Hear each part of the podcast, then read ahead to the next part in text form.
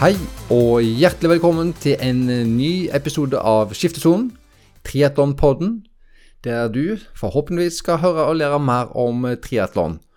Og i dag, Mikael, skal vi prøve på noe eh, for så vidt et nytt tema, i hvert fall. Et nytt konsept. Vi har en blanding mellom i skiftesonen med, og vi skal lære bedre en coach å kjenne, og diskutere hvorfor en skal bruke en coach. Og har vi noe tro på at dette her uh, blir uh, matnyttig for folk? Ja, Vi har jo sagt at det er et nytt tema, vi har ikke klart å gi det et nytt, godt navn. da. Sånn, I skiftesonen vi, vi er jo et godt navn, men det der coach uh, må vi finne et eller annet uh, fengende navn på. For det er jo veldig sånn Vi har et nytt tema som er at vi skal også Altså, det Ja, det går ikke. Det er ikke, det er ikke noe svung i det. Nei, det var ingenting svung, men, men vi håper jo at temaet er interessant, da. For det er nok mange eh, det er nok mange med meg som er nysgjerrige på dette her med coach, og om en skulle brukt en coach, og hva en coach kan, kan hjelpe deg med. Og så mye det kan koste med en coach, og hva du kan forvente med å bruke en coach. Altså det er jo, det er jo en del ting som står, står litt sånn uklart for, for mange av oss. Ja, uh, tillegg til det du nevner der, så er det kanskje det å Hvis du kanskje skal bli det sjøl, eller uh, ikke skal ha en coach, så har vi ambisjonen om å få ut litt uh, matnyttige fakta fra disse her, og, og, kunnskap fra disse coachene som kanskje kan gjøre at du kan stå litt bedre på egne bein uten å ha en, ha en trener som du har ansatt. da. Uh, og Mette, som vi har intervjuet i dag, kommer jo med veldig mye veldig mye fint. Og hun har jo kanskje Hun er kanskje den norske triatleten eh, på kvinnesiden som har den største merittlisten. Kanskje Kristin Lie på, på samme linje. Um, Lotte har fortsatt en, faktisk en vei å gå opp til uh, merittlisten til uh, Mette Pettersen Moe, mener jeg. Ja, og det gjorde jo uh, Vi var jo tidlig i kontakt med Mette og fikk omsider anledning til å få, få henne med nå. Fordi det er jo nettopp det du sier, at vi har hatt lyst til å bli kjent med henne som, som utøver. Bakgrunnen hennes, eh, hvorfor hun kom inn i triatlon.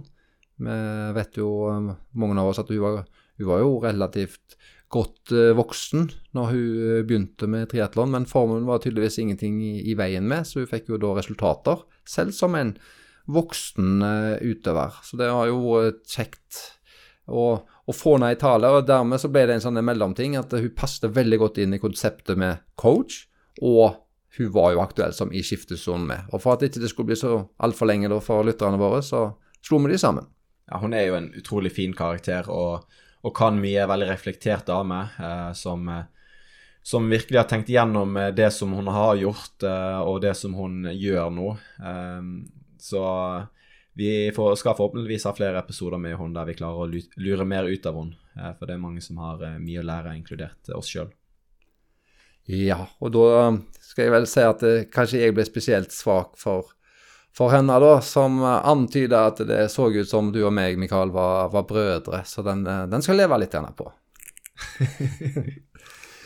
da får du sette deg godt tilbake. Vi har et intervju med, med Mette Pettersen Moe, som eh, nok eh, varer i en drøy time og 15 minutter, cirka. Så jeg håper at du setter deg ned og, eller ut og sykler eller ut og løper eller noe sånt, og får med deg denne episoden. Ha god lytting.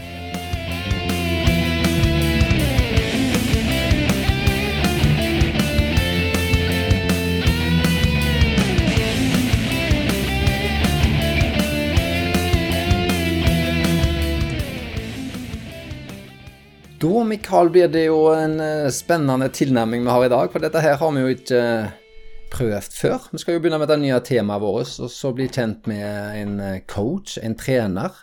Og den som vi har fått tak i, er jo såpass interessant og spennende og har hatt lyst til å snakke med henne lenge. Så vi må òg ha en sånn kombinert episode med det som vi tidligere har kalt I skiftesonen med. Så en blanding. Hvordan tror du det får til dette her nå, Mikael?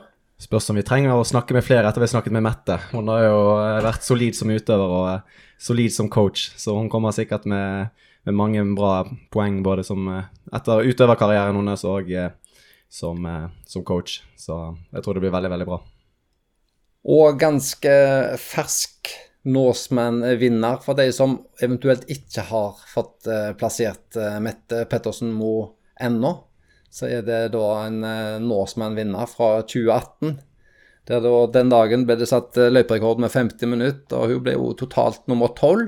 Så da har vi sett henne på kartet som en, i hvert fall en utøver som sannsynligvis har noe peiling på dette her. Mette Pettersen Mo, velkommen til Skiftesonen triatlonpodden. Tusen hjertelig takk. Veldig hyggelig å få lov til å komme. Det skulle nå bare eh, mangle. Det, um, vi har jo egentlig hatt litt lyst til å ha deg eh, lenge, men endelig så fikk vi, fikk vi anledning og tid, begge parter. Det var veldig hyggelig. Jeg har jo hørt på noen av podkastene deres og lurt fryktelig på hvordan dere så ut. Eh, jeg vet jo hvordan Mikael ser ut, men du Sverre var jo litt sånn Er du broren til Mikael? Og det, det, det er du jo nesten sånn på utseendet. Ja, jeg setter veldig pris på den. Jeg er jo et par, par år eldre enn uh, Mikael, men jeg forsøker jo å holde meg så, så mørk som mulig i, i lyggen. Men det Ja. Nei, Det er nok ja. en grunn til at vi ikke har fått lagt ut noen særlig, særlig med bilder av oss sjøl eh, ennå. Men eh, det, du kommenterte vel at det kan være greit for folk også å få lov til å, altså, å se og føle at en blir litt kjent med, med deg som en tross alt hører på.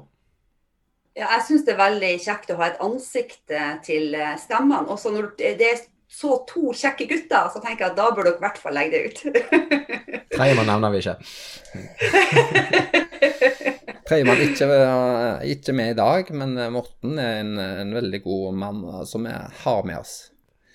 Mette, vi fortalte jo at du nylig var blitt og vant Norsemen, men skal vi prøve å plassere deg litt mer? Sånn at hvor du trenger ikke si helt så gammel du er, men uh, du er jo blitt en relativt voksen utøver. Og hvor, um, hvor er du fra, og hvordan uh, var din inngang til fysisk aktivitet i sin tid?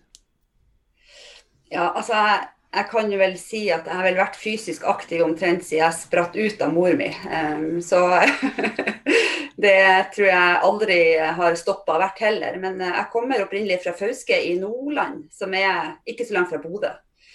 Og der eh, gjorde jeg veldig mye idrett, men eh, det var svømming som var min greie i Fauske. Og var, det var mitt hjem, og det var mine, min gjeng. Og det bygde på en måte veldig mye av min identitet da, og det jeg fikk gjennom idretten der. Så, så eh, jeg drev på med idrett til, eller svømming til jeg var omtrent russ. Og så skjedde livet, og så flytta jeg til Trondheim for å begynne å studere. Og der fant jeg rett og slett både aerobic og spinning, og det syns jeg var utrolig gøy. Så den aerobicen er jo Da innbefatter jo det variert eh, bevegelse, i hvert fall? Ja, eh, altså jeg var eh, the aerobic dancing queen i Trondheim. det er ikke kødd engang. Du skulle ha sett når jeg var der og hadde forspillmiks på fredager. Men grunnen til at jeg nevner det, det er fordi at det har en liten sammenheng med overgangen fra idrett til, eh, til eh, trening i voksen alder. Og det handla litt om at uh, når jeg var ferdig å svømme, så var jeg veldig lei svømming. Og det var, det var litt sånn at jeg drev på med det litt av feile grunner og for andre enn meg selv. Og da var det viktig for meg å finne treningsglede og det som gjorde at jeg hadde lyst til å trene, og det som gjorde at at det var en god opplevelse, da, at det ikke ble feil fokus. Så da ble aerobic og spinning med masse høy musikk sammen med andre var egentlig bare en fest av en treningsperiode. Um, og det gjorde jo det at jeg fant spinning, og det gjorde igjen at jeg ble veldig glad i å sykle. Og det var kanskje min innpass inn i triatlon. For jeg var spinninginstruktør i ja, over ti år, nei kanskje det var mer, ja, over ti år før jeg begynte med å satt på landeveissykkel første gang. Mm. Så ehm, ja, men har alltid, lagt, alltid likt fysisk aktivitet. Ehm, og når jeg tenker meg tilbake, så er liksom en av de viktigste tingene med fysisk aktivitet, det er bevegelsesglede. Det å bruke kroppen sin og være vital og kjenne den gleden med å mestre nye ting som du ikke har gjort før. Det har vært for meg veldig viktig, og er fortsatt veldig viktig. Men du nevner svømming, og du var med på kanskje for feile grunner. Hva hva var det, og kanskje litt eh, eh, Hva nivå var du på som svømmer eh, i sin tid? Jeg var på, altså, når jeg svømte Ja, det var vel da jeg må tenke meg om, på midten, sånn på 90-tallet. Begynnelsen av 90-tallet, midten av 90-tallet. så, så var jo ikke det nasjonale nivået i Norge var ikke veldig stort, det var ikke veldig høyt. Det er ikke sånn som det er i dag. Men det var OK, da. Så jeg var på en måte i, på juniornivå medaljekandidater på NM. Men ikke i crawl, men i butterfly og medley. Så en skikkelig så, utholdenhetsbeist, da? ja, altså jeg vet ikke hvor jeg har det utholdenhetsgenet fra, men det tror jeg er kanskje er fordi at jeg har vært veldig allsidig og brukt store deler av kroppen i mye ak forskjellige aktiviteter. Um, og så har jeg aldri sittet stille. Uh, altså jeg er litt sånn kenyaner, egentlig. Jeg springer til alt. Men når det gjelder svømminga, så ble det litt sånn, det ble for mye alvor for meg, rett og slett. Ehm, det ble litt sånn at jeg, jeg prøvde å tilfredsstille alle rundt meg, og alt som ikke hadde med meg å gjøre. Um, og jeg trente egentlig ikke fordi jeg, det var gøy, men fordi jeg skulle oppnå en eller annen um, tid i NM eller krav, eller at jeg skulle svømme sånn og sånn og gjøre ditten og datten. Så jeg ble veldig fjern fra de verdiene jeg hadde for grunnen til å starte med idretter. Så det ble veldig distanse, og da følte jeg at, uh, at moroheten, altså det som var gøy med idretten, forsvant. Det er en liten sånn gjenganger i svømming, med mindre du blir en landslagssvømmer. At det, det, blir kjedelig å se på flisen etter hvert, og at man er egentlig bare med for å være med. og Man ikke klarer å slutte. og Vi kommer til et NM, kanskje. Ja, det, det, tror jeg nok. Og det ser jeg jo at frafallet, spesielt i, i svømming, men også kanskje i langrenn òg, det er jo veldig stort i Norge.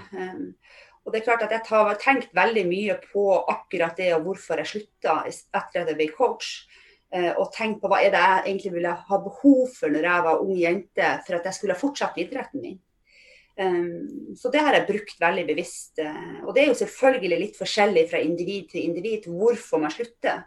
Men det å finne de grunnene til eh, hvorfor du starta med idretten i, i, første, omgang, det tror jeg kanskje er litt viktig å få en bevissthet rundt det. Fint. Eh, jeg skal da la være. Jeg var så vidt innpå det og skulle begynne å snakke litt om alder, men jeg vil ikke spørre deg likevel, Mette. Jeg sier det sånn at eh, du og meg er ca. like gamle, og det er, en, eh, det er en del år siden vi fylte 40. Men heldigvis er det en god stund til vi òg skal feire 50-årsdagen. Så da har vi plassert oss litt uten å, uten å røpe altfor mye, vil jeg si. ja, altså jeg har aldri skjønt den greia med alder. Sånn helt Nei, ærlig. jeg bare det var poenget å plassere oss ca. cirka hvor vi, var hen her nå, i erfaring. Ja, jo da, jo jo. Men det er jo liksom, jeg syns jo det er litt kult å være sprek som 50-åring òg. Ja, det er jo enda kulere. Det er, jo enda, enda kulere, ja og Mikael har jo bare, han er jo ung, og han er jo heldig som bare har en veldig god bror. Det er derfor Mikael er blitt så god. Mm. Så, eh, Over halvveis til 50, faktisk. Uff. Ja, du er det? Ja, ja. Herregud, er du så ung, Mikael? Herregud, jeg syns jeg begynner å bli gammel. Det er krise. Ja. Men vi var i innledningen, så sa for å plassere deg, så hadde du vunnet Norseman i 2018. Vi kan godt komme inn på den der senere. Men eh, når begynte du å, å konkurrere? Og sånn, hva konkurranser og sånne historier har du fra det? Som, eh, hva er du fornøyd med, og hva har du gjort? Altså Først og fremst så vil jeg jo si det at jeg er veldig fornøyd med de årene jeg har hatt i triatlon, eh, og de erfaringene jeg har fått. Ikke nødvendigvis seirene eller medaljene jeg har fått, men, men alle opplevelsene jeg har fått sammen med andre. og eh, i den jobben som har vært gjort. Eh, så jeg har fått veldig sterke bånd til mange mennesker som er helt fantastisk. Så det vil jeg jo si at det er jo det jeg sitter igjen med. Eh, og det kapitlet er jo ikke over enda. Men um, det er klart at det er jo litt artig at man finner en idrett og satser på en idrett i en alder av uh, ja, Hvor gammel var jeg når jeg starta? Det var i 2010 jeg var med første gangen. Det vil jo si at jeg var 36 år.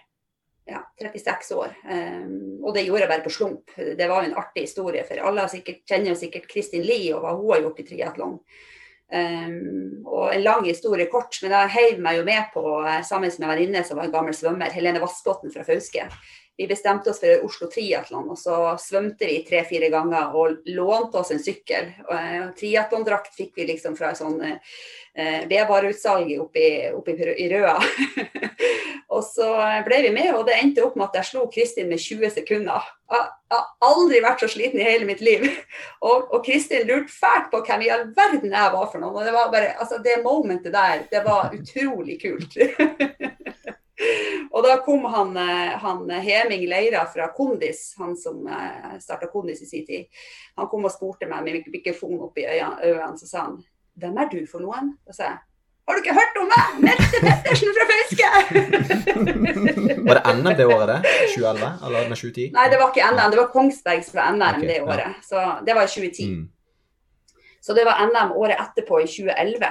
I, på, på, eh, det tror jeg var, kanskje var på Var det, var det Oslo Tri? Oslo Triathlon, ja. Ja, da var det kongepokal, var det ikke det? Jo. Ja. Det var da jeg og Håkon tok kongepokalen, og Christian Blumenfeldt kom på andreplass. Det var jeg som kom på andreplass? Kristian kom, Christian kom på fjerde året. Ja, stemmer det. Han, han, han sto jo i furtebua. Ja, ja, ja. Jeg tapte Håkon med 10-20 sekunder, og Kristian var jo tatt for drafting, han har mistet kjede og Det var jo ja, sånn svært felt, et sånn bilde ligger på nettet med sånn 10-20 mannfolk som står i, i, i straffeteltet. Fantastisk. Med jernmann på. Helt fantastisk. Ja, det bildet er priceless. Det var jo han Mikael Reinbotn også. Ja. Sto også. Og Arild Tveiten står jo òg i det straffeteltet der. ja, han gjør òg det. Ja, det stemmer det. Ja, ja, det er kjempe priceless mm. Så jeg husker det veldig godt, for det var jo Håkon fikk jo ikke eh, straff på drafting, men dere andre fikk det. Og det var jo så mye testosteron i, området, i målområdet at det var ikke måte på. det slår meg at det er gøy bilde, Mikael. Må vi se om vi får tak i ja, det må vi og få uh, delt ut. Arild er tagget i det, og det har blitt delt et par ganger opp gjennom årene. Ja, det er, det er, et bilde som er helt fantastisk.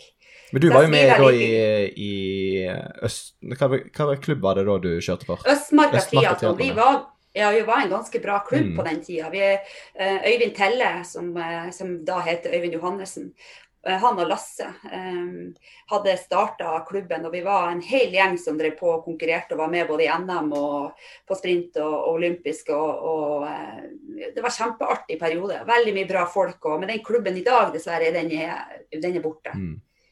Mm. Men så lenge hadde du sykla, du hadde jo vært spinninginstruktør i ti år. Så lenge hadde du vært på landeveissykkel, eventuelt tempo, før denne tida, egentlig? Var det ganske Jeg har aldri stått på en temposykkel. Jeg visste knapt hva det var for noe. Jeg satte meg på en temposykkel og sykla på en flat strekke og tenkte det her, det går faktisk ikke. altså, og, jeg, husker så godt den følelsen eh, med de utøverne jeg har som ikke har hatt temposykkel før å sette seg på det. Det er ganske fryktinngytende å ikke ha den kontrollen, for du sitter jo veldig sant? Du har jo ikke den styringsmekanismen som du har på en vanlig sykkel, så, så det er helt annerledes. Eh, men da er jeg veldig trygg på at det går fint, bare ta noen turer, så ordner det seg. Så, eh, men det er klart, erfaringsmessig hadde jeg jo ingenting. Og en svømmer han kan jo knapt løpe. Altså, Vi detter jo som en sekk hvis noen slipper oss ned fra tre meter. så, eh, så, det har vært litt av en reise, ja. Du må jo ha hatt, eh, holdt formen ganske godt frem til du begynte med triatlon, for du var jo fort helt der oppe. Så det var bare aerobic-timene og spinning ja. som gjorde det? Ja, altså Nå skal det sant sies at når jeg, jeg fikk barn i 2007 og 2009. Um, ehm, og det var jo en sånn uh, greie jeg hadde på den tida der at før jeg fikk barn, så drev jeg på å gjøre, gjøre sånne ting som at jeg skulle løpe New York Marathon, og så skulle jeg være med på Birkebein-trippelen. Så jeg skulle utfordre meg selv på å gjøre litt nye ting. Så akkurat det året der, var det 2010, da skulle jeg egentlig gjøre Birkebeiner-trippelen. Så jeg gikk mye på ski, og jeg sykla ganske mye på mountainbike. Og jeg løper jo da sånn Ja, min pers som står i dag på maraton, er jo 3.39. Sant? Det er fra 2000 og, 2005. Så det er jo en, en, tid som er litt sånn morsom, for jeg vil jo, jeg jo perse med en time. Nei, det vil jeg jo ikke. Nei, kanskje, kanskje. Eh, men det betyr jo at uansett om jeg løper en maraton, så kommer jeg mest sannsynligvis til å perse. Eh, men poenget er uansett det at jeg var veldig allsidig og gjorde mye ting. Jeg, og, og, jeg tror grunnlaget mitt for kondisen min kom på langrenn, på ski. Det er det vi mistenker med som fra Vestlandet, og ikke har gått så mye på ski. Så virker det at de som har en skibakgrunn, har veldig mye gode kapillære år. Altså, og små, ja. At de har en godt transportnett på oksygen. Det er min, det er min mistanke. Ja, det, det, har, det har jeg nok eh, utvikla over veldig mange år. Eh, og jeg tror nok også det at eh, det å leve et langt liv uten at du har lange pauser, sånn som mange folk har når de, når de får barn, eller når de eh, begynner nye jobber eller flytter, eller det skjer ting i livet som gjør at ting settes på pause, Så det, og det har jeg aldri hatt. Jeg har aldri hatt pause i treninga mi. Treninga mi har vært mitt, si noe, mitt oksygen for å overleve. Det viktigste for meg for å, for å, ha det bra med meg selv. For det har vært en sånn mental renselse å, å bruke treninga som, som, en plass å kvitte seg med dårlig energi. Så, så, for meg har det vært viktig å trene når jeg har det vanskelig. Det har vært min, eh, mitt oksygen, da. Men etter den uh, gode erfaringen, uh, eller opplevelsen din i Oslo 3, mm. der du slo Tateli Kristin Lie. Kristin Lie. Ja, jeg fikk det ja. til å stemme. Kristin Lie. Så gikk du jo og deltok en del internasjonalt, du. Fra 2011 til 2015 så kjørte du jo i ja. ITU-konkurranser, uh, olympisk distanse, og etter hvert òg mm. 73 og vel òg fulldistanse. Ja. Opplevelser og hva hva resultater og eh, opplevelser husker du fra noen løp der? Eller hvordan går du fra å vinne NM til å plutselig satse internasjonalt ja. i den alderen din? Det er jo kanskje det som er det rare spørsmålet her. ja, ja, det kan du si. For det er jo ingenting av eh, Altså, det er, jo, det er, jo, helt unormalt å gjøre noe sånt. Det er jo ingenting i verken i Norges idrettsforbund eller i klubbsammenheng eller i eh, si, måten å gjøre ting på idrettskarrieremessig som sier at yes, gjør det på den måten. så, eh, og det tror jeg handler veldig mye om at jeg er, går, er jente som går mine egne veier. Eh, og det har jeg alltid gjort. Jeg har vært veldig opptatt av å ikke gjøre som alle andre. Det er kjedelig. Eh, men det er klart at Eh, jeg ble litt sånn inspirert av de menneskene rundt meg, og kanskje spesielt miljøet i Østmarka, som, som tenkte herregud, Mette, det her er jo dritkult, du må jo prøve litt hit og litt dit og, um, og, og, og satse litt. Så jeg faktisk i 2000 og, var det i 2000 og Jeg tenkte meg litt om. Når var det OL i eh, London? Det var vel i 12. 2012. Det var ikke EM, er det du tenker på? Ja, altså det som var det, var det at det var noen som tente en liten gnist om at det kanskje det er muligheter for deg å kvalifisere til OL. Mm. Uh, og tenkte bare å, er det det? Um, og da ble jeg selvfølgelig fyrt litt opp. uh, og det er klart, jeg gikk jo rundt og tenkte at det kanskje kunne gå.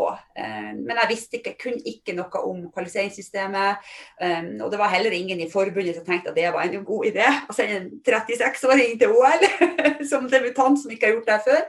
Eh, men det var likevel en veldig kul opplevelse. Og, og var med på EM i Eilat i 2012 og eh, var med på ITU i Alanya i Tyrkia eh, og kjørte med bl.a. Rachel, Rachel Klamer fra Nederland, som er veldig god i dag. da. og som er medaljekandidat til OL til neste år. Så, så det, var, det, var, en kul greie, og det var en vanskelig reise. fordi at du har to barn, og så skal du gjøre noe helt, helt nytt. Så det var en erfaring som jeg tenker eh, at har gjort meg veldig rikere og veldig sterkere. Um, og det er klart at Jeg håper jo virkelig at det kommer flere jenter til i Norge, sånn at det, det miljøet kan vokse og at man kan få mer støtte i hverandre. Um, for det å drive alene var veldig spesielt. Jeg, jeg var jo på landslaget i dette tidspunktet, så du, ja. du kom inn, og det var jo sånn hva er det, hva er det hun kaller gamle damen her skal for noe? Det var, sånn, det var veldig merkelig. og jeg var ikke en, altså Det ble jo snakket om sånn internt. og ja. liksom, det, var, det, var, rart, liksom. Ja, det, ja, Så, det var det. Jeg var jo på EM der du var på EM, og det var sånn Du var jo ikke en del av landslaget. Du, sånn Jeg bare var, jeg bare var sånn, Hvorfor er hun her med oss? ja.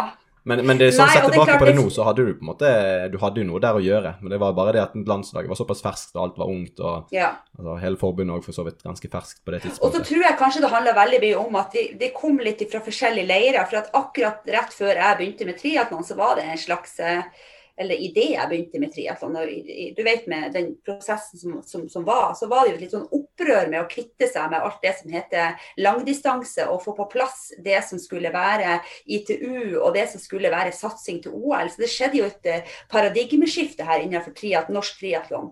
Og det tror jeg har vært veldig bra, men i den prosessen så har det kanskje skjedd at, eh, at man har glemt litt at triatlon er ikke bare eh, eh ITU, det er også mange som er medlemmer i Norges Triatlonforbund som også er interessert i andre ting. Um, og de tenker jeg kanskje har følt at de har blitt litt, ikke neglisjert, men, men, at de er blitt satt litt til side. Um, og det er jo på en måte litt innenfor den strategien man har valgt å bruke også, å satse på, på OL-distansen.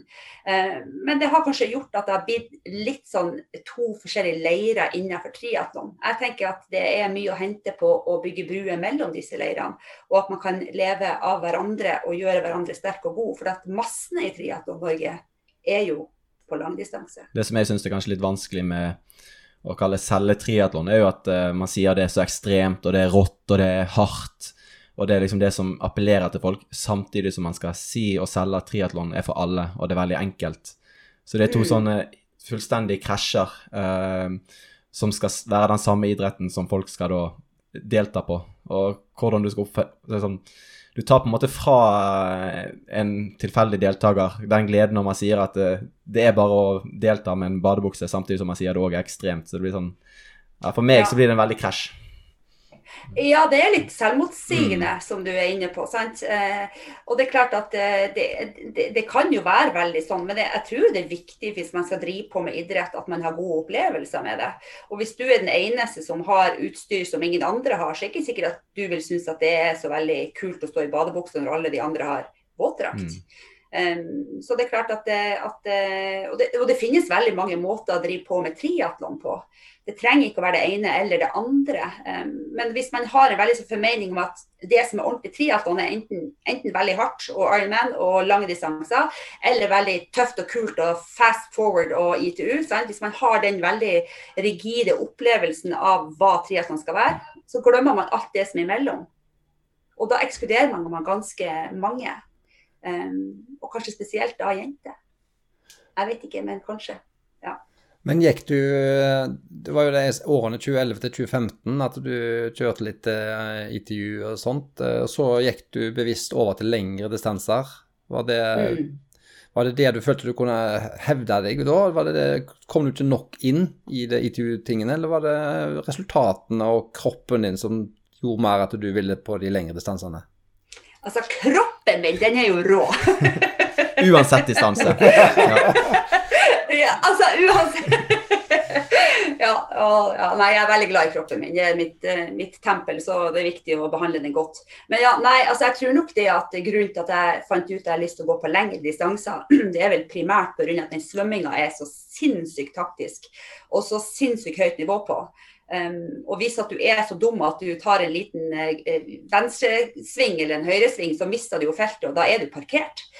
Så, så, for meg er det litt sånn at eh, det ble liksom ikke så gøy. Altså Svømminga ble ikke veldig gøy. Uh, og da det, går jeg tilbake til min verdi at trening skal være gøy. Og da begynte jeg heller på med 70,3 og debuterte på det i Haugesund. Og det var jo så gøy. Herregud, for en fest dere hadde laga i Haugesund. Åh, for en opplevelse. Det var skikkelig kult å komme på pallen første gang i prosirkuset. Å, så høy på livet at det Men var det en av de første pallplassene eh, av en nordmann noen gang, eller var Gudmund før deg? Jeg husker ikke det. Jeg husker det var snakk om det på et eller annet vis. Jeg tror kanskje Gudmund var For det var 2015 du tok Eller var det 2014? Jeg husker, jeg husker ikke tallet. Men jeg lurer på om Gudmund var på pallen samme år som meg. Ja. Så det er en av de første internasjonale måte, proff mm. til en nordmann. Hvis ikke husker helt feil. Ja, ja. Eh, det var det. Og jeg husker jo den konkurransen. Det er jo ikke noe, jo ikke noe rask løype, men eh, herregud for en kropp jeg hadde den dagen. Jeg hadde utrolig fest av en opplevelse. Eh, og da var jeg vel over 40 år. Sant? Og jeg var bedre form da enn jeg noensinne hadde vært ever.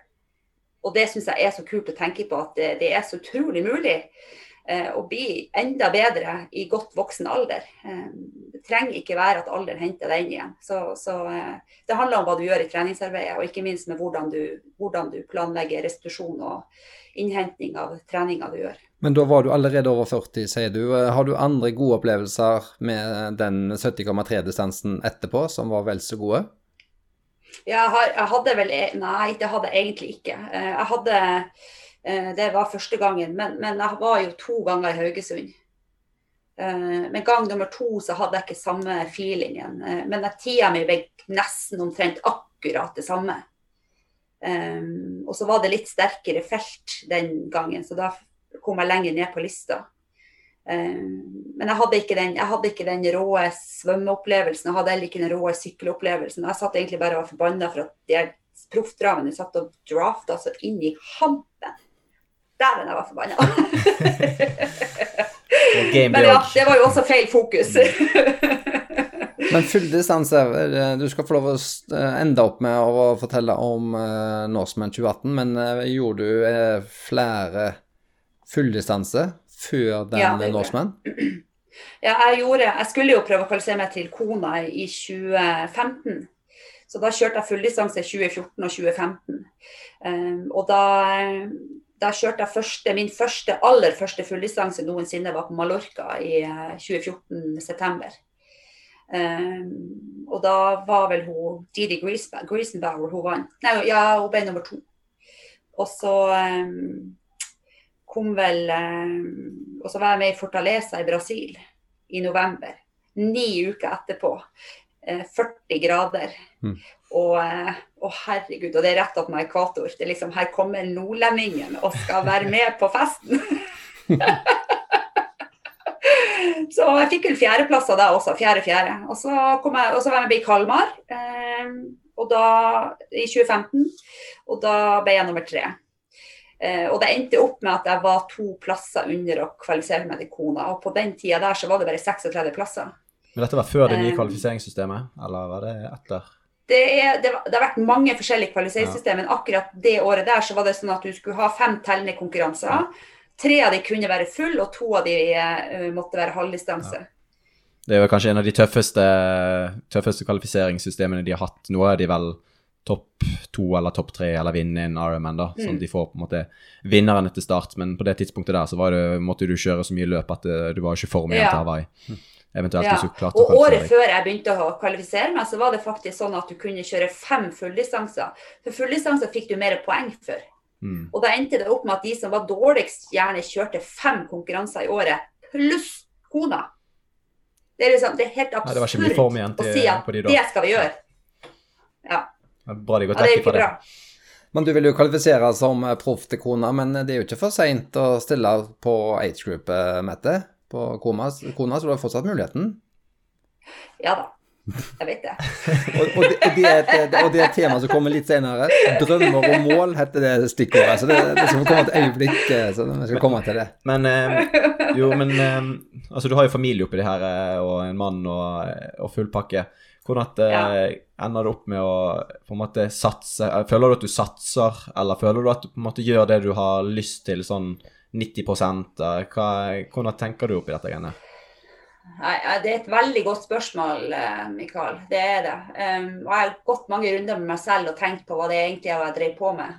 Um, og det, det, det, vet jeg ikke helt om jeg har et godt svar på, men herregud, jeg kan fortelle én ting. Og det er at jeg har lært utrolig mye av hvem jeg er og hva jeg egentlig vil i livet av å gjøre den prosessen. Um, det har krystallisert seg veldig uh, hvilke ting i livet for meg som er viktig. Um, og det er klart at, og det kan jeg tenke, tenke at mange, mange kanskje uh, gjør i livet sitt, det at de tenker at de skal trene, og så kanskje tar treninga litt overhånd, og det blir litt mye. Så går det utover kanskje de som er viktige i livet ditt, familien din. Uh, og så ender de kanskje opp med i etterkant av en sånn greie å kutte ut trening, fordi at man skal tilfredsstille de tinga som man føler er viktig. Og jeg tror det at med å gjøre det og ikke ha samtidig innslag av trening som også er viktig for deg, så vil du leve på akkord med verdiene dine.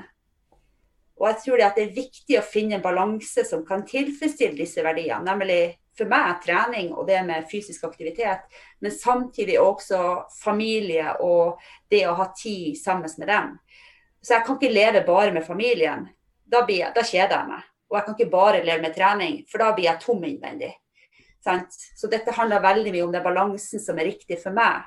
Um, og det er klart, Jeg tror det er viktig også å gjøre seg noen gode erfaringer på godt og vondt, for det er da du finner ut av retningen du egentlig vil i livet ditt. da. Sånn sånn, Sett utenifra så er det sånn veldig lett å kommentere på andre. Altså Enten må du satse, mm. eller så satser du ikke. Uh, folk mm. spør jo, sier kanskje til meg ja, du må jo gå proff og kjøre proffløp. Men sånn, jeg er fornøyd med det som jeg holder på med på dette nivået her. Mm. Altså, jeg er ikke proff, og jeg er ikke ingenting i idretten heller. Jeg er på en måte sånn midt, altså mellomnivå, da. Eh, Mm. Og det er jo sånn veldig lett å bli på en måte stemplet utenfra at du enten skal være en proffutøver, og da blir du kanskje stemplet som useriøs fordi du ikke tar det siste steget på et eller annet vis. Men det er jo der veldig mange er fornøyd, og det er der de òg får de beste resultatene. Jeg, tror- jeg tror du er veldig inne på det. og jeg tror det, det handler veldig mye om å gjøre det som du selv føler er riktig for deg. Og så tror jeg hvis at du har, du har en sånn eh, plutselig idé som jeg fikk om å gjøre OL, så er det liksom viktig å ta et steg tilbake og så skal du spørre deg selv hvorfor har jeg lyst til å gjøre OL nå? Er det for at jeg faktisk har lyst til det? Eller er det for at jeg blir påvirka av miljøet og, og de rundt deg som har lyst til at du skal gjøre det? Og det tror jeg ofte kan være en sånn konflikt, fordi at man, man, man, man har lyst til å tilfredsstille andre og være hyggelig og si ja, men det er jo bra, det er jo gøy, du, du ser potensialet mitt. Eh, men samtidig så har du kanskje ikke lyst til å ta idretten helt til det steget, da. Eh, og det samme gjelder motsatt. At du kanskje har lyst til å satse til OL, men alle rundt deg sier sånn som de sier til meg med Mette, du skal jo være mamma, du må jo være hjemme og bake boller. Og skal du være best av de beste, sant, så må du ta det enten-eller-valget. Da, Da er det idretten som går foran alt. Men altså, skal du ikke bli best av de beste, så kan du fortsatt holde på på et eh, eh, familienivå og bli veldig, veldig, veldig flink.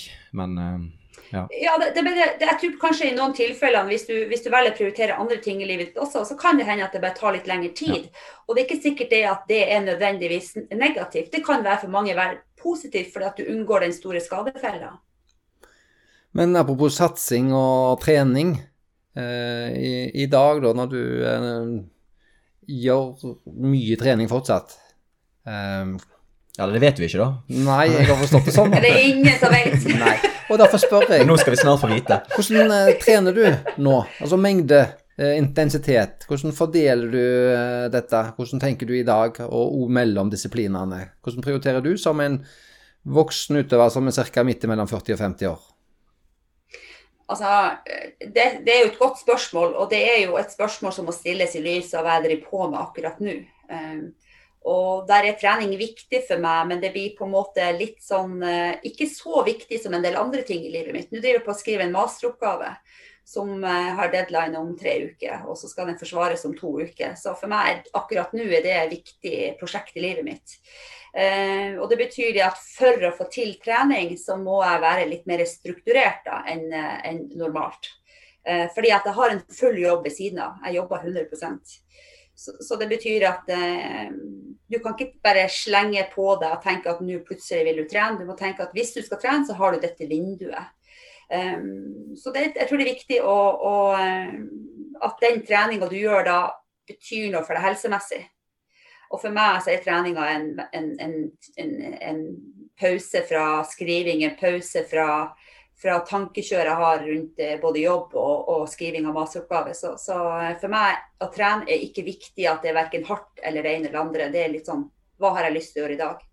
Um, men samtidig så skal det jo sies at eh, for et år siden så opererte jeg jo kneet mitt eh, for en skade. Og jeg driver på med opptrening av det, så jeg har en utrolig strikt eh, regime når det gjelder akkurat det med oppbygging til løp. Eh, og det går veldig bra, så vi er veldig fornøyd om dagen. Men vil det si at du eh, trener helt på ekte det du har lyst, bare? Eller har du en struktur på å eh, bygge opp eh, treningen med altså terskel og lav, lav intensitet, FTP Altså er du veldig sånn på, på det her, eller bare er du ute og lufter deg? Nei, nu, jeg skal være helt ærlig, akkurat nå så har jeg ikke peiling på å være sykla på vatt engang. Mm. Jeg har ikke peiling. Og det er litt sånn, det der fokuset der hvis jeg, skal hvis jeg skal ta fokus i livet mitt nå, så vil det sannsynligvis sluke meg rått. Blir så drevet med. Fordi at, ja, altså det handler jo litt om hvor hvor man, hvor man er når man er liksom i god form, ikke sant. Eh, og hvis man da skal gå rundt og tenke på at det er et stykke dit, så tenker jeg at det er et fokus jeg kan slippe å ha nå. Men du er der du trener hver dag, sånn cirka i snitt? Ja, jeg trener hver dag, det gjør jeg. Trening, fysisk aktivitet. Og det går ofte i styrketrening. Eh, sykkel ute. Sykler ute stort sett hver eneste dag. Bil, hva er bil? Er det noe med to hjul eller fire hjul? eh, så det gjør jeg ikke. Jeg kjører ikke. All min dødtid går til, å, til transport går på, på beina eller sykkel.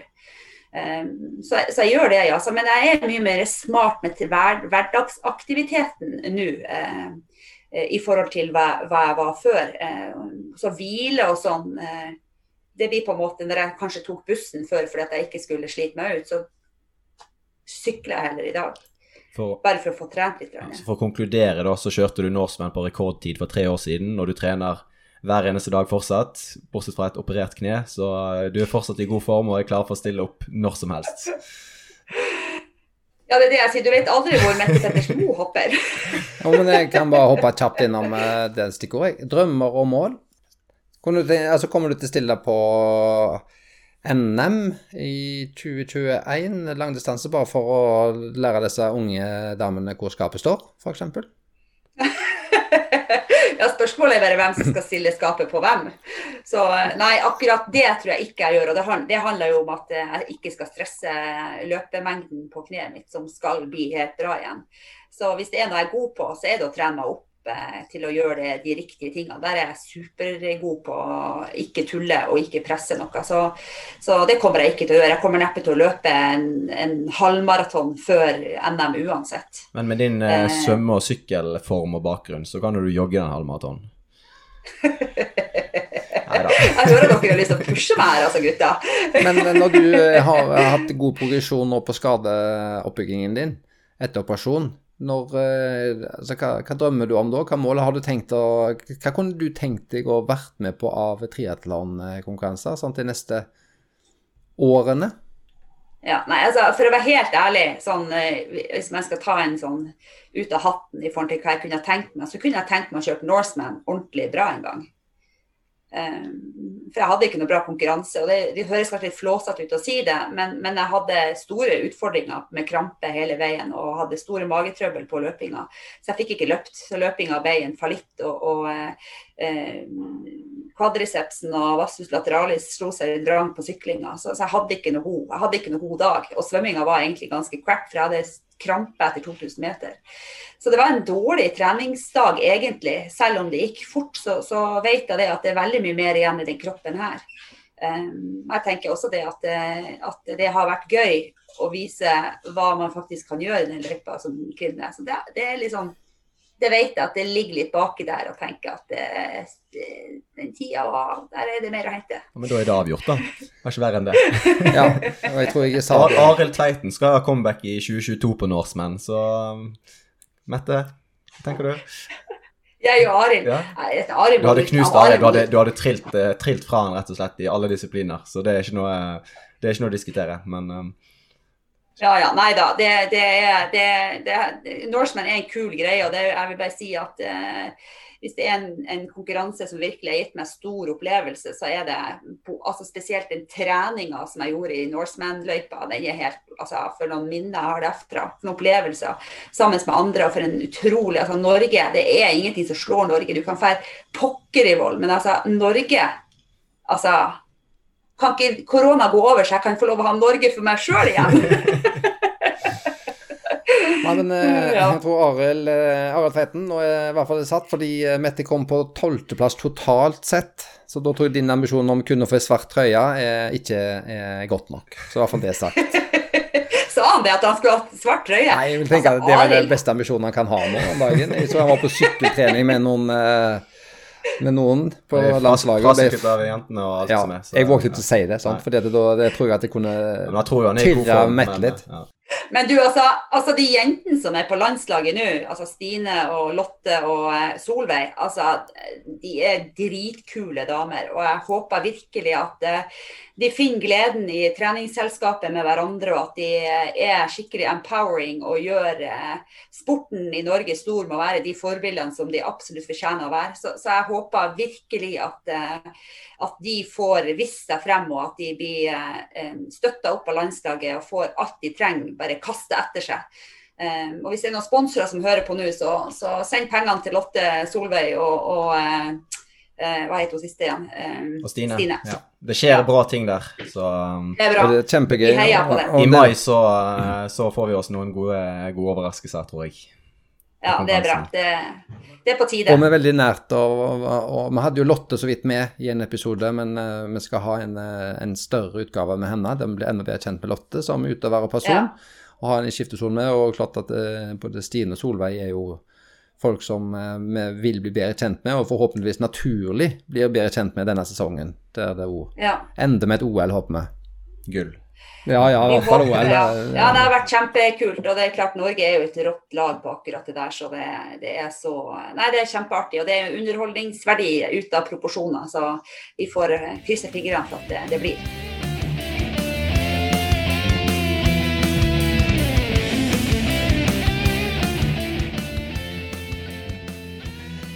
Vi skal gå litt over, fordi den del to, som er det, det nye som vi, vi, ønsker jo å få snakke med flere som er coacher eller trenere i Norge. Som en del av uh, denne spalten uh, der vi ja, Hvorfor skal en bruke coach, og hva kan det tilføre, og hva er filosofien til de ulike? Det vil anta at det er noe forskjell. Uh, og da har jo du dette Mette Pettersen Moe, triatlon coaching og trening, så det heter mm. kort og enkelt. Kort og enkelt. Og du har jo en bakgrunn med idrettsvitenskapelig utdanning på NTNU og i Trondheim og NIH i Oslo. Og så tok du Eller du tar jo denne mastergraden nå ved Universitetet mm. i Sørøst-Norge. Eh, hva er det yes. du gjør der? At det, du har vel antydet at det kan være spennende i seg sjøl, og kanskje at lytterne ikke nå, jeg vil ha jenter, ikke nå, men at vi kanskje kan få, få høre litt om eh, det du driver på med. Og kan du bare gi en, ja. en helt, helt kort teaser? Ja, det, er, det, er, det, kan jeg gjøre. At, og, det, og, det, handler litt om at det har blitt litt, eh, et tema som har blitt litt mer populært de siste årene eh, på verdensbasis. Og det handler om kvinner og menstruasjonssyklus og hormonfluktasjon i forhold til prestasjon og i forhold til tilrettelegging av trening. Så jeg jobber veldig mye med det. det, blir, det blir liksom, man blir litt sånn nerd på å lese om progesteron og østradiol, men uh, det er et utrolig interessant tema som, som, heldigvis nå har fått den oppmerksomheten den fortjener. Og vi ser det at nå kommer det mye forskning på området. fordi at forsknings, det, det, vi, det, vi, kan si med, med sikkerhet med forskning er ekstremt minimalt på området. Så det blir litt sånn synsing og gjetting om hvordan denne hormonfluktasjonen da påvirker treninga vår. Um, så det handler veldig mye om, eh, om, eh, å få forskning på kvinner, da. Rett og slett for å vite hvordan og når skal vi trene intensivt, ikke intensivt. Hvordan restituerer vi? hvordan skal vi gjøre det hvis vi, vi er på en hormonsyklus når vi konkurrerer osv. osv. Eh, det finnes kunnskap, men kunnskapen er så, så, lite og den er så tynn at vi kan ikke bruke den for en generalisering over til kvinner. Så det er det jeg driver på med. Det er veldig interessant. Og det vi vel sa når vi snakka litt i stad, det var jo at eh, dette her er jo et tema som gjelder langt over halvparten av befolkningen. Så du har eh, kvinnene, og så har du pappene, og så har du etter hvert ja, guttene, kjærestene, hvem som helst. Så dette her er jo mm. aktuelt for alle. Så kanskje vi får en prat med deg nærmere rundt dette du Enten før eller etter du har um, gjort denne, levert denne masteren. Ja, og det er klart, det er det som du sier, at det er jo det at de fleste altså Selv om halvparten av verdens befolkning er kvinner, så er det jo sånn at resten av halvparten lever jo stort sett med en kvinne i huset. Og da kan det være greit å vite litt om hvordan fysiologien funker gjennom en syklus. Så absolutt. Så ja, det, det er et godt tips. Men da begynte du jo eh, Du var jo lenge instruktør, som du sa, i treningsbransjen siden tidlig 90-tall. Og så eh, starta du da med Sport Performance Coach i 2013, mm. som er mm. det du driver på med. Og som coach, hvis vi da Du hvis en skal bli kjent med denne coachen, hva er din grunnfilosofi? Hva er liksom hvorfor, hva brenner du for? Altså, uh, ja, det, det, er jo klart jeg kan jo sitte og snakke veldig mye om det, men, men jeg er jo veldig genuint opptatt av og glad i mennesker på en generell basis. Jeg er veldig opptatt av hvem de er, og veldig opptatt av hva er det de syns er gøy med trening? Hva er det de har med seg slags bagasje inn i treningsarbeidet i forhold til hva de har gjort av trening, hva de ikke har gjort av trening, men også historien deres i forhold til hvordan de er farga for de valgene de tar. Um, og på, uh, også hvordan jeg kan spille de gode, og hvordan jeg kan bevisstgjøre de valgene de tar, eller kanskje enda viktigere, de valgene de ikke tar. Hvorfor gjør vi ikke de tingene som også er viktige, og som ofte da Sånn som f.eks. styrketrening, eller som f.eks. svømming. Hvorfor er det noen som syns svømming er så kjedelig, og hvorfor er det noen som liker det så godt? Så det, så det handler veldig mye om å vite hvor folk kommer fra, og bidra sånn at den enkelte kan strekke seg og bli bedre. da. Og det er jo et, eh, det er et veldig morsomt arbeid. da.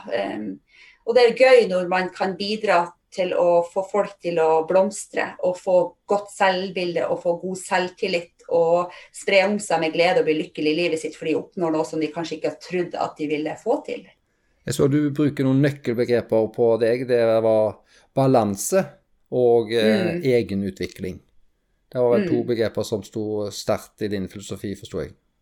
Ja, og det handler veldig mye om Hvis vi begynner med, med, utvikling, da, så tror jeg det at det å oppleve utvikling for oss mennesker, det er et grunnleggende behov vi egentlig har. Um, og jeg tror mange mennesker når de kommer til et stykke i livet, så kjenner man at utvikling kanskje stopper litt opp. At man ikke gjør så mye som, som man egentlig har lyst til å gjøre. Og da tror jeg eh, det med idrett og å finne konkurranser, og spesielt sånn som triatlon, kan være en utrolig mestringsfølelse for mange å få til. Fordi at det er mange ting og mange områder du kan utvikle deg på. Eh, og vi vet at hver gang du opplever mestring, så ser du på deg selv med litt andre øyne, som sannsynligvis også bidrar til at du får et bedre selvbilde og bedre selvtillit. Eh, og det veldig mange tror, det er at mange som begynner med triatlon, har kjempegod selvtillit. Jeg vil jo si stikk motsatt. Og det er jo det jeg syns er litt fascinerende. Jeg elsker å se mennesker blomstre. Jeg syns det er den største gaven på jord. Eh, å få lov å være med og sitte, som, og sitte være tilskuer på dette, det syns jeg er et privilegium. Eh, så, så, det er litt, litt det som driver meg i coachinga mi. Så, så, eh, som du sier, jeg er veldig opptatt av den balansen. Eh, og balansen er for mennesker forskjellig. Den er ikke lik for alle mennesker. Eh, så da er det viktig å ta et skritt tilbake og se hvem er, det, hvem er du, og hva er det som er viktig for deg. Og det er ikke alle som har familie, og det er ikke alle som har en, en jobb som er krevende. Og så er det noen som har en jobb som er krevende, som f.eks. er skiftarbeid på natta. Og da er det jo viktig å finne en balanse som gjør at de har overskudd til å gjøre den treninga de skal gjøre. Og det er ikke sikkert at de selv vet hva de trenger for å få den balansen. Og det er på en måte her jeg kommer inn, da, prøver å hjelpe dem. Og det er jo det som er litt krevende. Jeg trener jo ungdommer, og det eh, Mestringsfølelse er jo det som gjør at det blir gøy og man har lyst til å fortsette. Men man, har, mm. som du sier, man er nesten nødt til å bli kjent med, med folk for å kunne servere de mestringsfølelse og gi de muligheten til å få mestringsfølelse.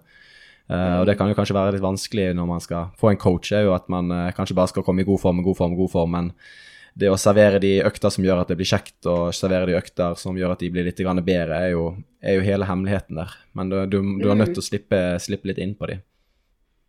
Ja, det, det, er jeg veldig enig med deg i, Mikael. Så, så jeg har veldig trua på at altså, tror jeg genuint på det at jo, jo, tettere forhold du får til utøverne dine, jo mer du bryr deg, um, jo lettere er det å spille de gode og finne disse tingene som også kan gi de utvikling. For utvikling kan være så veldig mangt. Mm.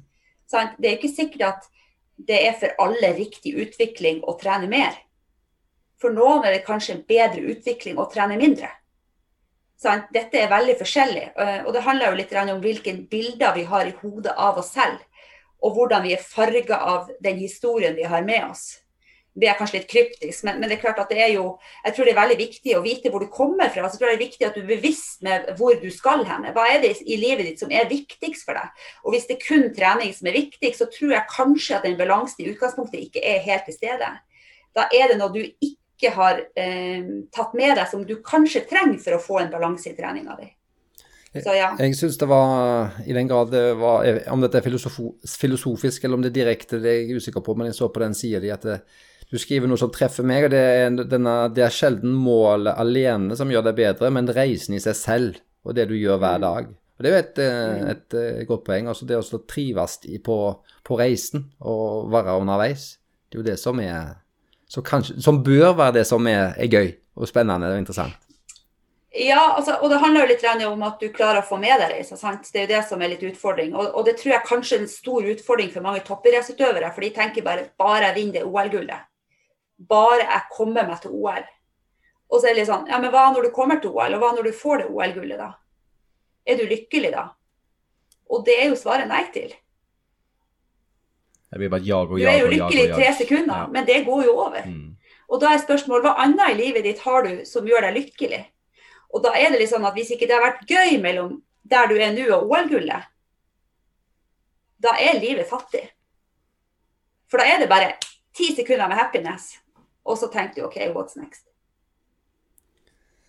Det ble litt filosofisk. Nei, men den var fin. eh, Men, men for den som hører på da, som um, stiller seg spørsmålet hvorfor, eh, hvorfor skal jeg eh, bruke en coach? Hva er ditt svar på det? Ja, ja, ikke nødvendigvis meg, da, men lytteren. Hvorfor skal jeg bruke en coach? Fortell eh, du, du snakker om å finne hele me- mennesket og egenutvikling og balanse, men, men hva, kan ikke han finne det sjøl, eller hun finne det sjøl? Og hva, bi, hva er forskjellen med å bruke en coach, som er din erfaring?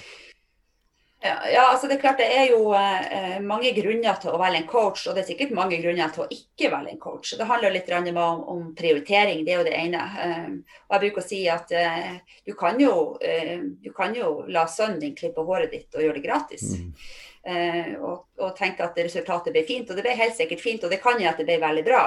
Så, så det er klart det er mange måter å gjøre ting på. Eh, det betyr ikke at man må bruke coach, men, men jeg tror det at for mange så opplever de det å ha noen som sitter på skuldra di og si tommel opp eller tommel ned, eller gi deg feedback på det du gjør, og som på en måte guider deg, og som samtidig bidrar til at du får økt kunnskap om treninga di og kroppen din, det er en veldig trygghet som kanskje gjør mestringsfølelsen enda større.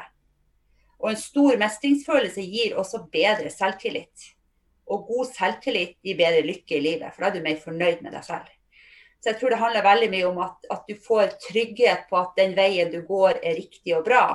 Uh, og for min del så er, det, er jeg veldig opptatt av at utøverne skal, skal få en god selvbevissthet i forhold til sin egen trening. Sånn at de tar ansvar for treninga si selv også. Sånn at ikke jeg er den som nødvendigvis sier at nå skal du trene det og det og det og det. Det kan jeg gjøre, men, men det blir jo litt sånn å ta fra de eh, rettighetene eller det beste verktøyet de har, nemlig å kjenne kroppen sin selv. Og jeg tror mange toppidrettsutøvere har blitt for avhengig av trenerne sine. Og når de kommer til konkurranse, så blir det litt sånn nummen og vet helt ikke hva de skal gjøre og hvor hardt de skal kjøre. Fordi at de har ikke den erfaringa med å kjøre på feelingen selv. Så man må passe på at man ikke blir avhengig av coachen sin i konkurranseøyeblikket, men at coachen spiller deg god, så at du kan stole på deg selv. Jeg tror det er veldig, veldig lurt. Jeg har jo Ja. overtatt utøvere, for å si det på den måten, da. Og har måttet eh, kalle det avruse de med å ha fast treningsprogram. For de har vært helt avhengige Ja. av å ha det. Og hvis det har ikke vært en ja. 100% plan, så har ikke de visst hva de skal gjøre. Men Når du skal gjøre det samme Ja. som du gjorde forrige uke, det er liksom Det er ikke noe for meg å Ja. skrive ned til deg. Altså, du, du vet jo sjøl sånn cirka hva du skal ha. Eh, Ja. Og vi hadde vel Julie på den, eh, denne podkasten, og det likte jeg veldig godt. Hun sier på en måte du er med og veileder hun, istedenfor at det er liksom en eh, 100% fast plan, for vi spurte litt sånn hva, hvordan fungerer dette her. Eh, og så, liksom, Det er en Mm. veiledning, og det er på en måte bare tilbakemeldinger på at kanskje du skal fokusere litt på dette fremover, eller kanskje du skal Ja. fokusere på dette fremover. Og, og så vil jeg jo si det at hvordan jeg coacher hver person i mitt team, da, det er veldig forskjellig. Så hvis jeg får inn en person som aldri er på med triatlon før, som ikke har treningsbakgrunn i å trene på terskel eller på VO2 Max, så vil jo de i starten få en helt annen oppfølging i forhold til å bli trygg på hvilken økte de skal gjøre, og at de skal være trygge på at de kjører den intensiteten som gjør dem gode. Så det er klart at dette her er jo en dynamisk prosess. Sånn, sånn som jeg f.eks. Jeg har en utøver som heter Solveig Dramstad. Eh, og sånn som jeg coacha henne i starten, er jo veldig annerledes enn sånn som jeg coacher henne nå. Nå er hun jo mye mer på i forhold til hva hun selv trenger. Eh, og det gjør jo det at hun får en bedre totalbelastning enn hvis bare jeg skal fortelle henne hva hun skal gjøre. Så disse tingene her vil jo være dynamisk etter hvert som utøveren utvikler sin treningsintelligens. da. Eh, og det syns jeg er veldig spennende. Jeg liker det. Og jeg liker også veldig godt utøvere som, som også vil ha den type kontrollen selv også. Og så er det klart, så har du utøvere som, er, som får veldig trygghet med at eh, de vet at jeg setter gode økter til dem. Så det er litt sånn, eh, Hvis at utøveren da eh, kan stole på det og få god selvtillit av det, så er det også en måte å gjøre det på. Så her er det litt forskjellig. Det er ikke sånn at alle coaches likt, og det handler veldig mye om hvem individet er. Så, så, og det er viktig, jeg tror det er en viktig del av jobben å være coach, det er å gjøre de tingene som er riktig for den, for den enkelte. Og det skal jeg være helt ærlig på, at jeg coacher annerledes i dag enn jeg gjorde i 2013. Så min utvikling gjennom de årene som snart begynner å bli ti år, den har vært veldig stor. Eh, og jeg har lært utrolig mye av de utøverne jeg har hatt.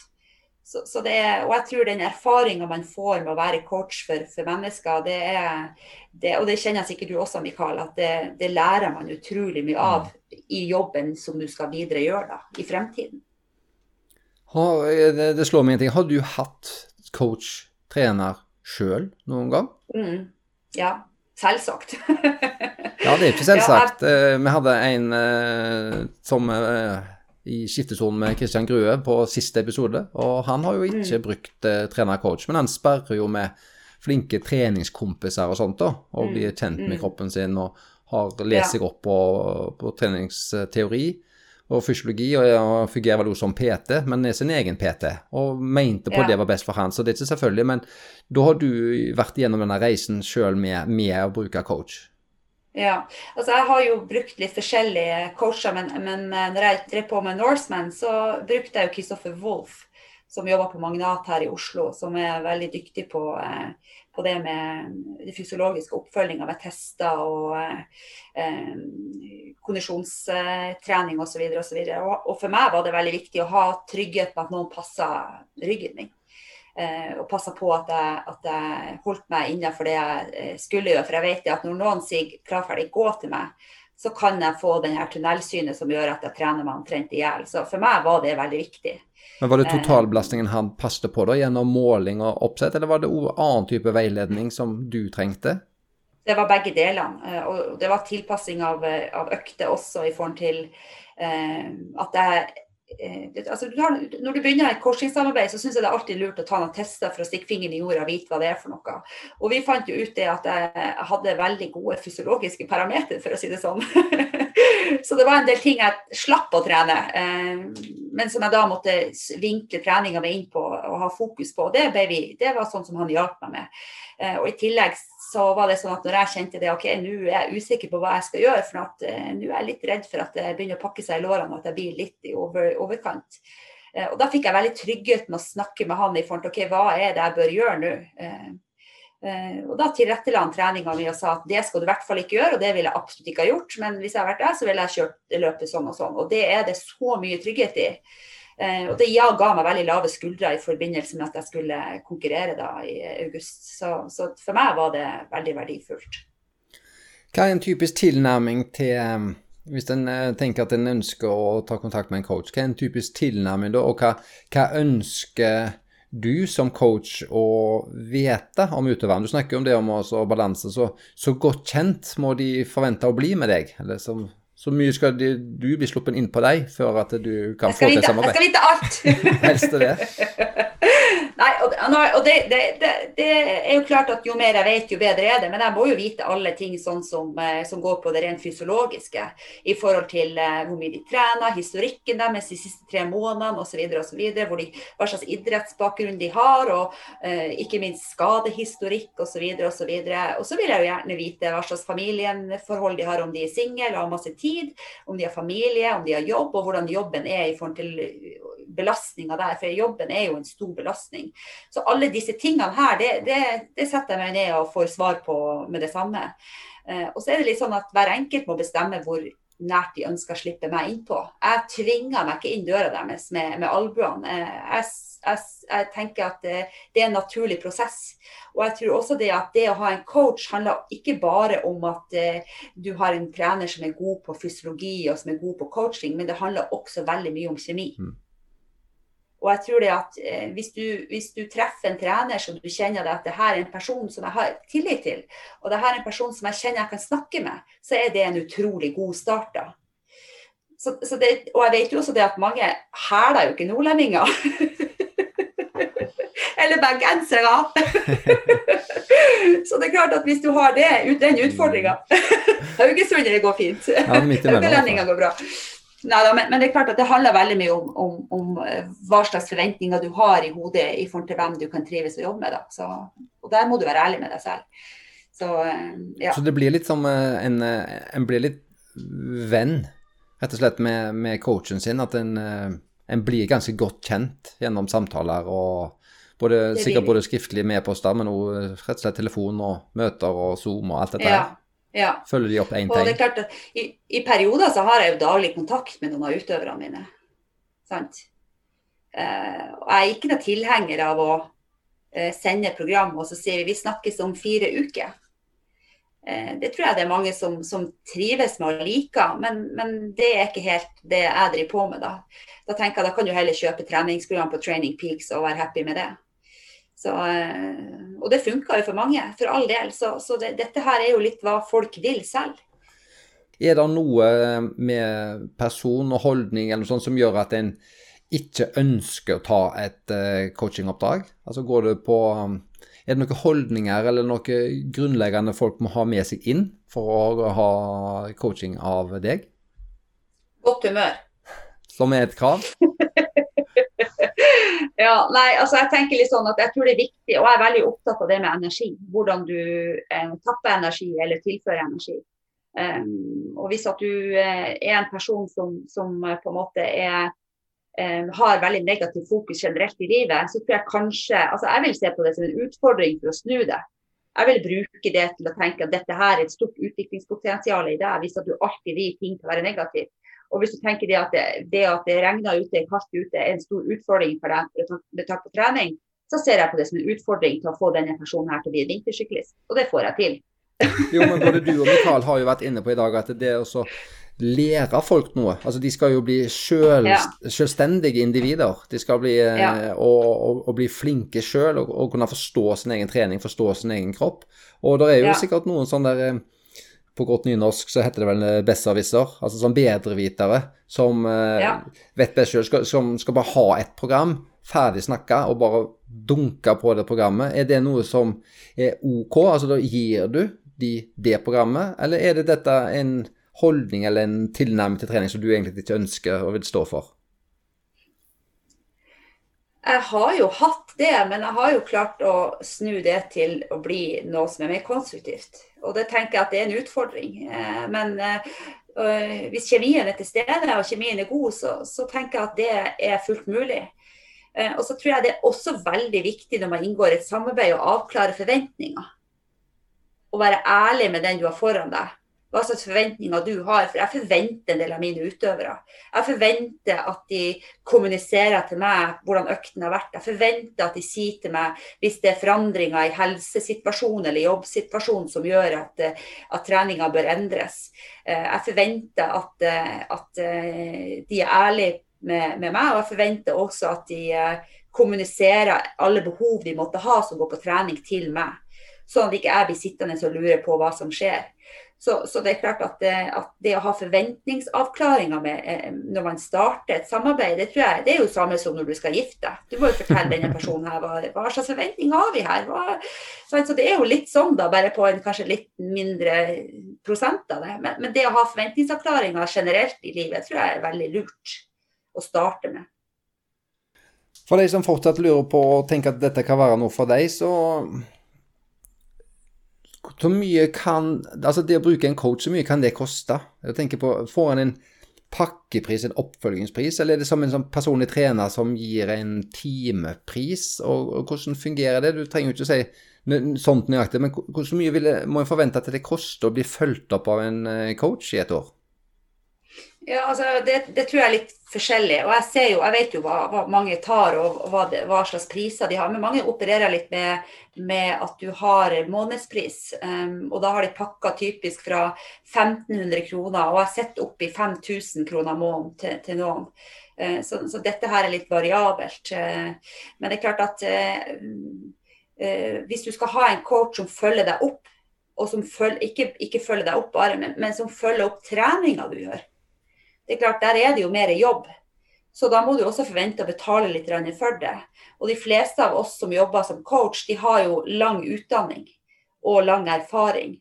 Så det er klart at det må man også forvente å betale for. Det er jo noe annet hvis du eh, har en coach som har gjort en konkurranse og sier at nå skal jeg være coach for hele verden, for min erfaring er passe alle andre. Eh, da kanskje man kan betale litt mindre, men bakgrunn og historie og utdanning og erfaring er jo med i potten. Så jeg tror det er sånn at du får det du betaler for. Og hvis man ikke ønsker erfaring og kompetanse, så er det også billigere. Og da blir det også mindre tilrettelagt individuelt. Så, men jeg tror det ligger stort sett en plass mellom 1500 og ja, jeg tror det ligger ja, kanskje noen vi Jeg ser det at hun Serial, eh, treneren til eh, Mirinda, hun tar 5000 eh, kroner måneden. Men en sånn, sånn, midt imellom det, og da kan du som, eh, som utøver forvente en oppfølging der du da selvfølgelig nok ikke daglig, men at en jevnlig har kontakt både telefon, e-post, og en kan forvente at treneren har, følger med på hva du gjør med mm. trening, mm. på en måte med intensitetsstyring og, og sånn type ting, og eventuelt tilpasse, og gjøre endringer? Kan en forvente såpass? Ja, altså, I hvert fall hvis du skulle gå inn i et samarbeid med, med sånne som meg, så, så, må du nesten forvente at eh, du får treningsopplegget, og så får du periodiseringa innbakt i det. Og så i tillegg så blir treninga det som kanskje er viktigst, da, fulgt opp på en daglig eller ukentlig basis. da. Så, så, jeg tror at det er det, er det viktigste um, å ta med seg. For hvis ikke du har den oppfølginga da, så kan du liksom godt kjøpe et ferdig program på internett. Mm. Og da er det jo straks mye billigere. Men bruker du, kommuniserer du via e-post eller telefon, eller nå eh, Zoom og sånn primært? Eller eh, hvordan har du kontakt med Eller treffer du dem fysisk? I hvert fall hvis du tenker det, utenom pandemitid. Ja, jeg, har jo ukentlig Zoom-møter med alle i gjengen. Så da vi, har vi en halvtime med pep for uh, uka i forhold til hva jeg tenker uh, hjemmelekser i hermetegn skal være, og eventuelt ting som jeg lurer, tenker at de bør reflektere over i den perioden de går inn i. Um, F.eks. når man begynner mer med tempoposisjon, så jobber, snakker vi litt om det. Eller når vi, snakker, vi begynner med trening, trening, med ernæring, så begynner vi å snakke litt om det og, og legge det inn i treninga deres. Og så har jeg alltid en slags mental uh, fokus i forhold til hva slags hjemmeoppgaver de skal ha. Så det gjør vi hver uke. Um, og så er det Flow eller Connect, altså disse appene som de lager, legger programmene sine i. Noen er det Strava på. Um, og så bruker jeg altså WhatsApp, både i gruppeformat, men også i individuell format. For der kan du legge alle treningsprogrammene inn i også. Du bruker ikke Training Peaks? Ja, nei, jeg bruker ikke Training Peaks. Um, og grunn, uh, Training Peaks er nok et veldig godt verktøy hvis du ikke bruker trener. Mm. Og det er også et veldig godt verktøy hvis du bruker trener. Men jeg opplever det at i det programmet så er det veldig mye informasjon. Og hvis vi er en ting vi vet, så er det at de, 99% av de vi trener, de trenger faktisk ikke mer informasjon og data for å holde seg til. Skulle løpe en time. Rolig. Nei da, men, men, men det, det, er ikke bare puls og watt som står der, det er jo enormt mye. sant? Ja. ja. det er veldig mye. Så, så jeg tenker at det, eh, det, er ikke alt der du har bruk for, og det er slettes ikke alt heller som er, gir deg et riktig bilde av den fysiologiske eh, eh, statusen du faktisk er i. Har du noen gode eksempler på suksesshistorier, eller de, ikke nødvendigvis at noen har blitt veldig veldig gode. Eh, du kan gjerne fortelle Kim, om du har hatt noen gode utøvere, men sånne gode historier på hva ditt samarbeid med noen utøvere har, eh, har ført til?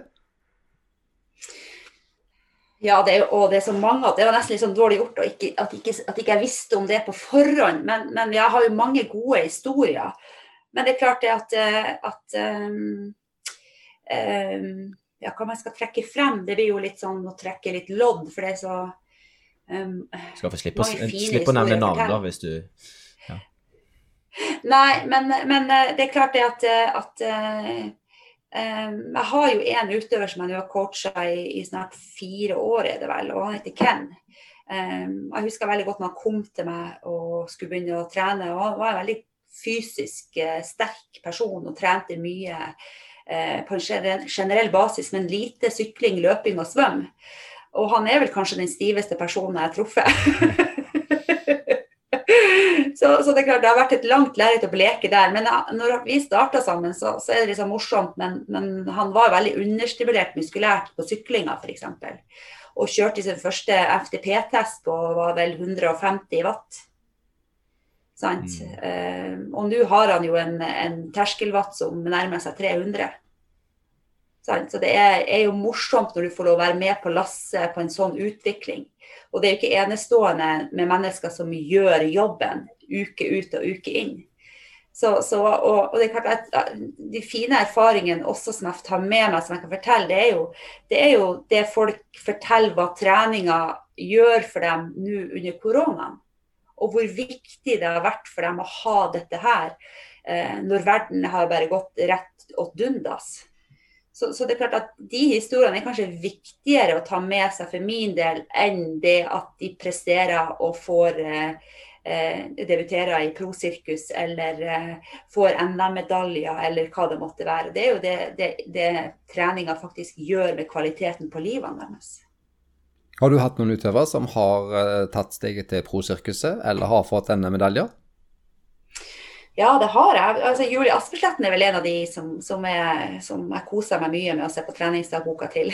Hun produserer mye gøy. Og så har jo Henriette Mer, hun har jo debutert nå på pro i, på Challenge i, på Gran Canaria. Litt sånn i hytten og styrten, men eh, tok eh, loddet og stilte opp. Eh, og så trente jeg også Heini Hartikainen. Vet ikke om dere husker hva hun var, men hun ble jo nummer to på Norseman det året jeg eh, var med, eh, 2018. Eh, hun har flyttet tilbake til Finland og har en annen trener. Eh, men det var også et veldig bra og interessant eh, samarbeid som jeg lærte veldig mye av. Jeg håper jo også at det vil være flere damer som på en måte kan komme både på paller og kanskje enda lenger, og at de får altså, rett og slett flere damer inn i idretten. Det hadde vært veldig hyggelig. Jeg forventer nesten og har lyst til å utfordre deg til å produsere noen landslagsutøvere, Mette. Damelandslagsutøvere. Så Ja. Ta det. Nei, ja, nei det, det kan ha vært veldig artig. Så stor spenn har du i alder, da? Altså, på en måte, Har du folk fra 18 til 80, eller hvor stort stor spenn er det som, som du jobber innenfor? Jeg har alt, ja. Alle er så jævlig hjertelig velkommen til meg. Nei, men den yngste jeg har, er vel 21. Um, ehm, og så er vel eldste er vel uh, 60. Ja. Så det er godt spenn. Og det er helt fantastiske folk. Gud, for noen fin gjeng de er. Etter du har begynt jobbet med det litt? Utendørssvømming nå, og det var fem grader i sjøen. Oi, Ja, det var fantastisk fint. Det var nydelig. Vi hadde det veldig fint. Og den kaffen vi, vi drakk etterpå, eh, som Trond hadde med seg, den hadde aldri smakt bedre. Jeg har bare ett oppfølgingsspørsmål på to ting vi snakker om i dag. Du, du sa at du koste deg jo fælt med å følge med på treningsdagboken til Julie. Og hun har jo mm. vært med oss tidligere i, uh, i en episode. Ja. Uh, og så skyldte du på et eller annet vondt kne som uh, For et år siden så hadde du bitte litt vondt i et kne, og du skulle ikke stille på noe NM langdistanse. Henger de to tingene litt sammen? eller? At du ser på treningsdagboka til Julie og har fortsatt å, litt vondt i et kne og ikke kan stille på NM? Er det noe sammenligning det? Nei, Sammenheng? Men det kan, det kan, jeg si. det, det at hvis, hvis, du er gift og du eh, har vært gift i mange år, og så har du ei singel venninne som du ringer til på søndag og får alle grisehistoriene til, og bare, du bare syns det er så artig. Det er litt sånn å være coach for meg nå. Jeg, bare, jeg, har vært der ute, og jeg, jeg, si, jeg, skal ikke konkurrere noe mer, men jeg lever ånda gjennom prestasjonene og opplevelsene til mine utøvere. Er, jeg bare syns det er så gøy å se hva de får til. Så det er mer det at jeg virkelig unner og beundrer dem, enn at jeg kjenner at jeg skulle vært der de er. Ja, Det er ikke så gøy når du slår utøverne dine heller. Det har jeg fått kjeft for et par ganger. men, eh, men, Mikael, jeg har jo håpa at du jeg, har jo, jeg husker jo så godt når vi var med i EM sammen, og jeg har tenkt at du må jo være med på Norseman en gang, du også. Ja, jeg må, må kjøre denne gang. Vi får se hvor tid det blir. Det blir ikke, ja. blir ikke år. Så jeg, må, jeg tenker Nei. jeg skal være i form. Jeg er litt sånn som deg, jeg vil jo helst gjøre det så bra som mulig når jeg først skal gjøre det. Så ja, ja. se en gang i framtiden. Kanskje meg og deg og Arild neste år igjen, da. Ja, ja kanskje det. 2020, 2022. Sånn leg Legends edition, eller hva det heter. Sånn Allstar-team.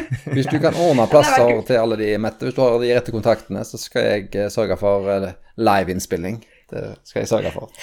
Og følge dere. Det, det lover jeg. Ja, det hadde vært kult. Ja.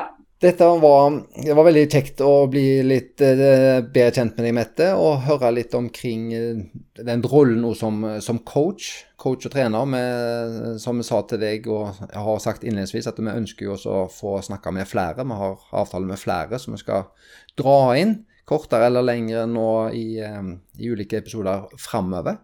Så det skal vi høre om, om det er noen forskjellig tilnærming og, og flere interessante ting.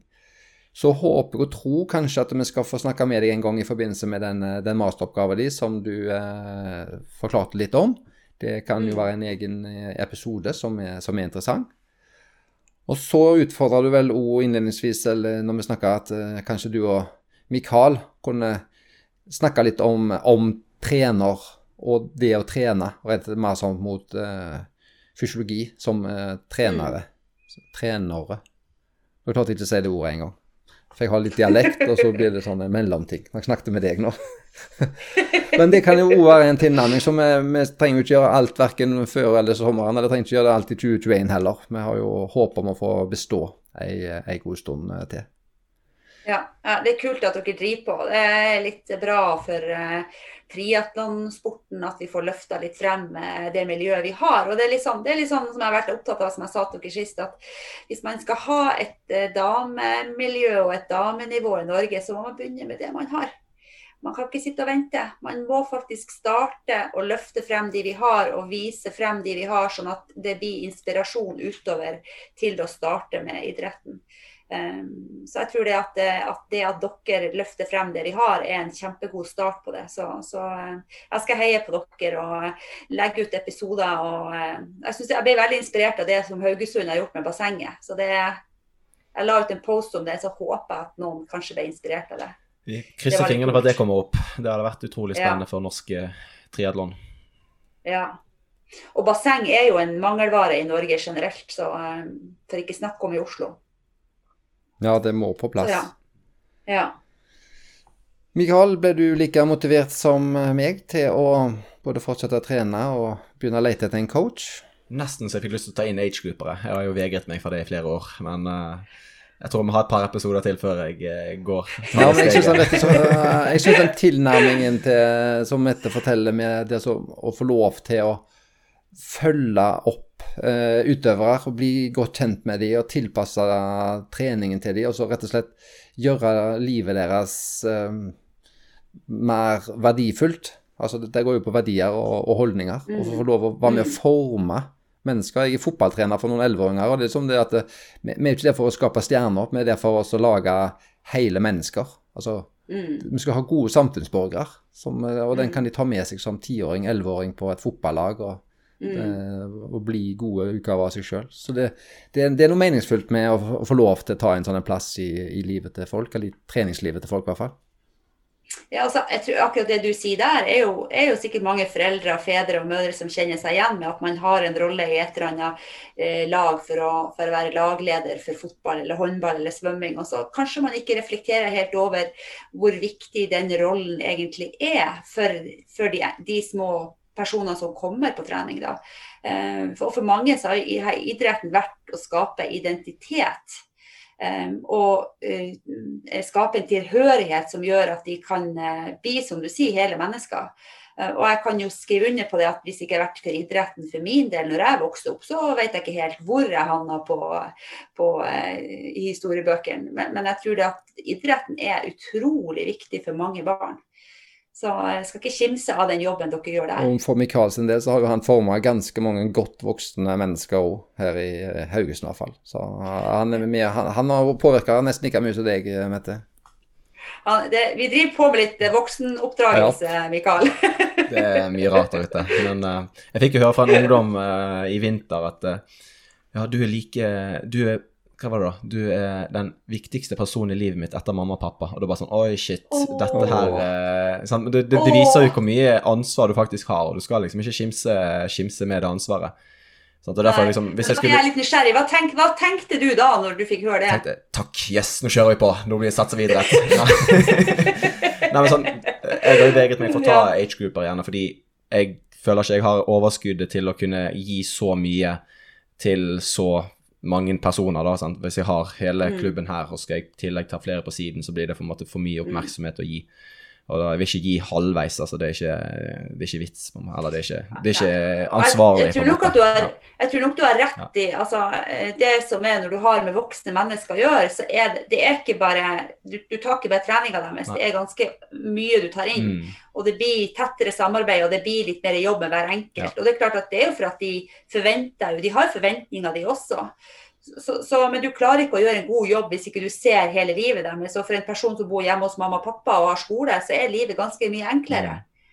Sant? Så, så det, er en, det kan være en, en, en, en, en krevende jobb hvis man eh, eh, ja, Får man mennesker inn som er for krevende, så, så må man vurdere hva man skal gjøre for noe. Og det er jo en balanse. sant? Mm. De, de skal ikke suge margen ut av det heller. Så, så det er viktig å være litt eh, kritisk fra begge sider med hvem man inngår samarbeid med. Så absolutt.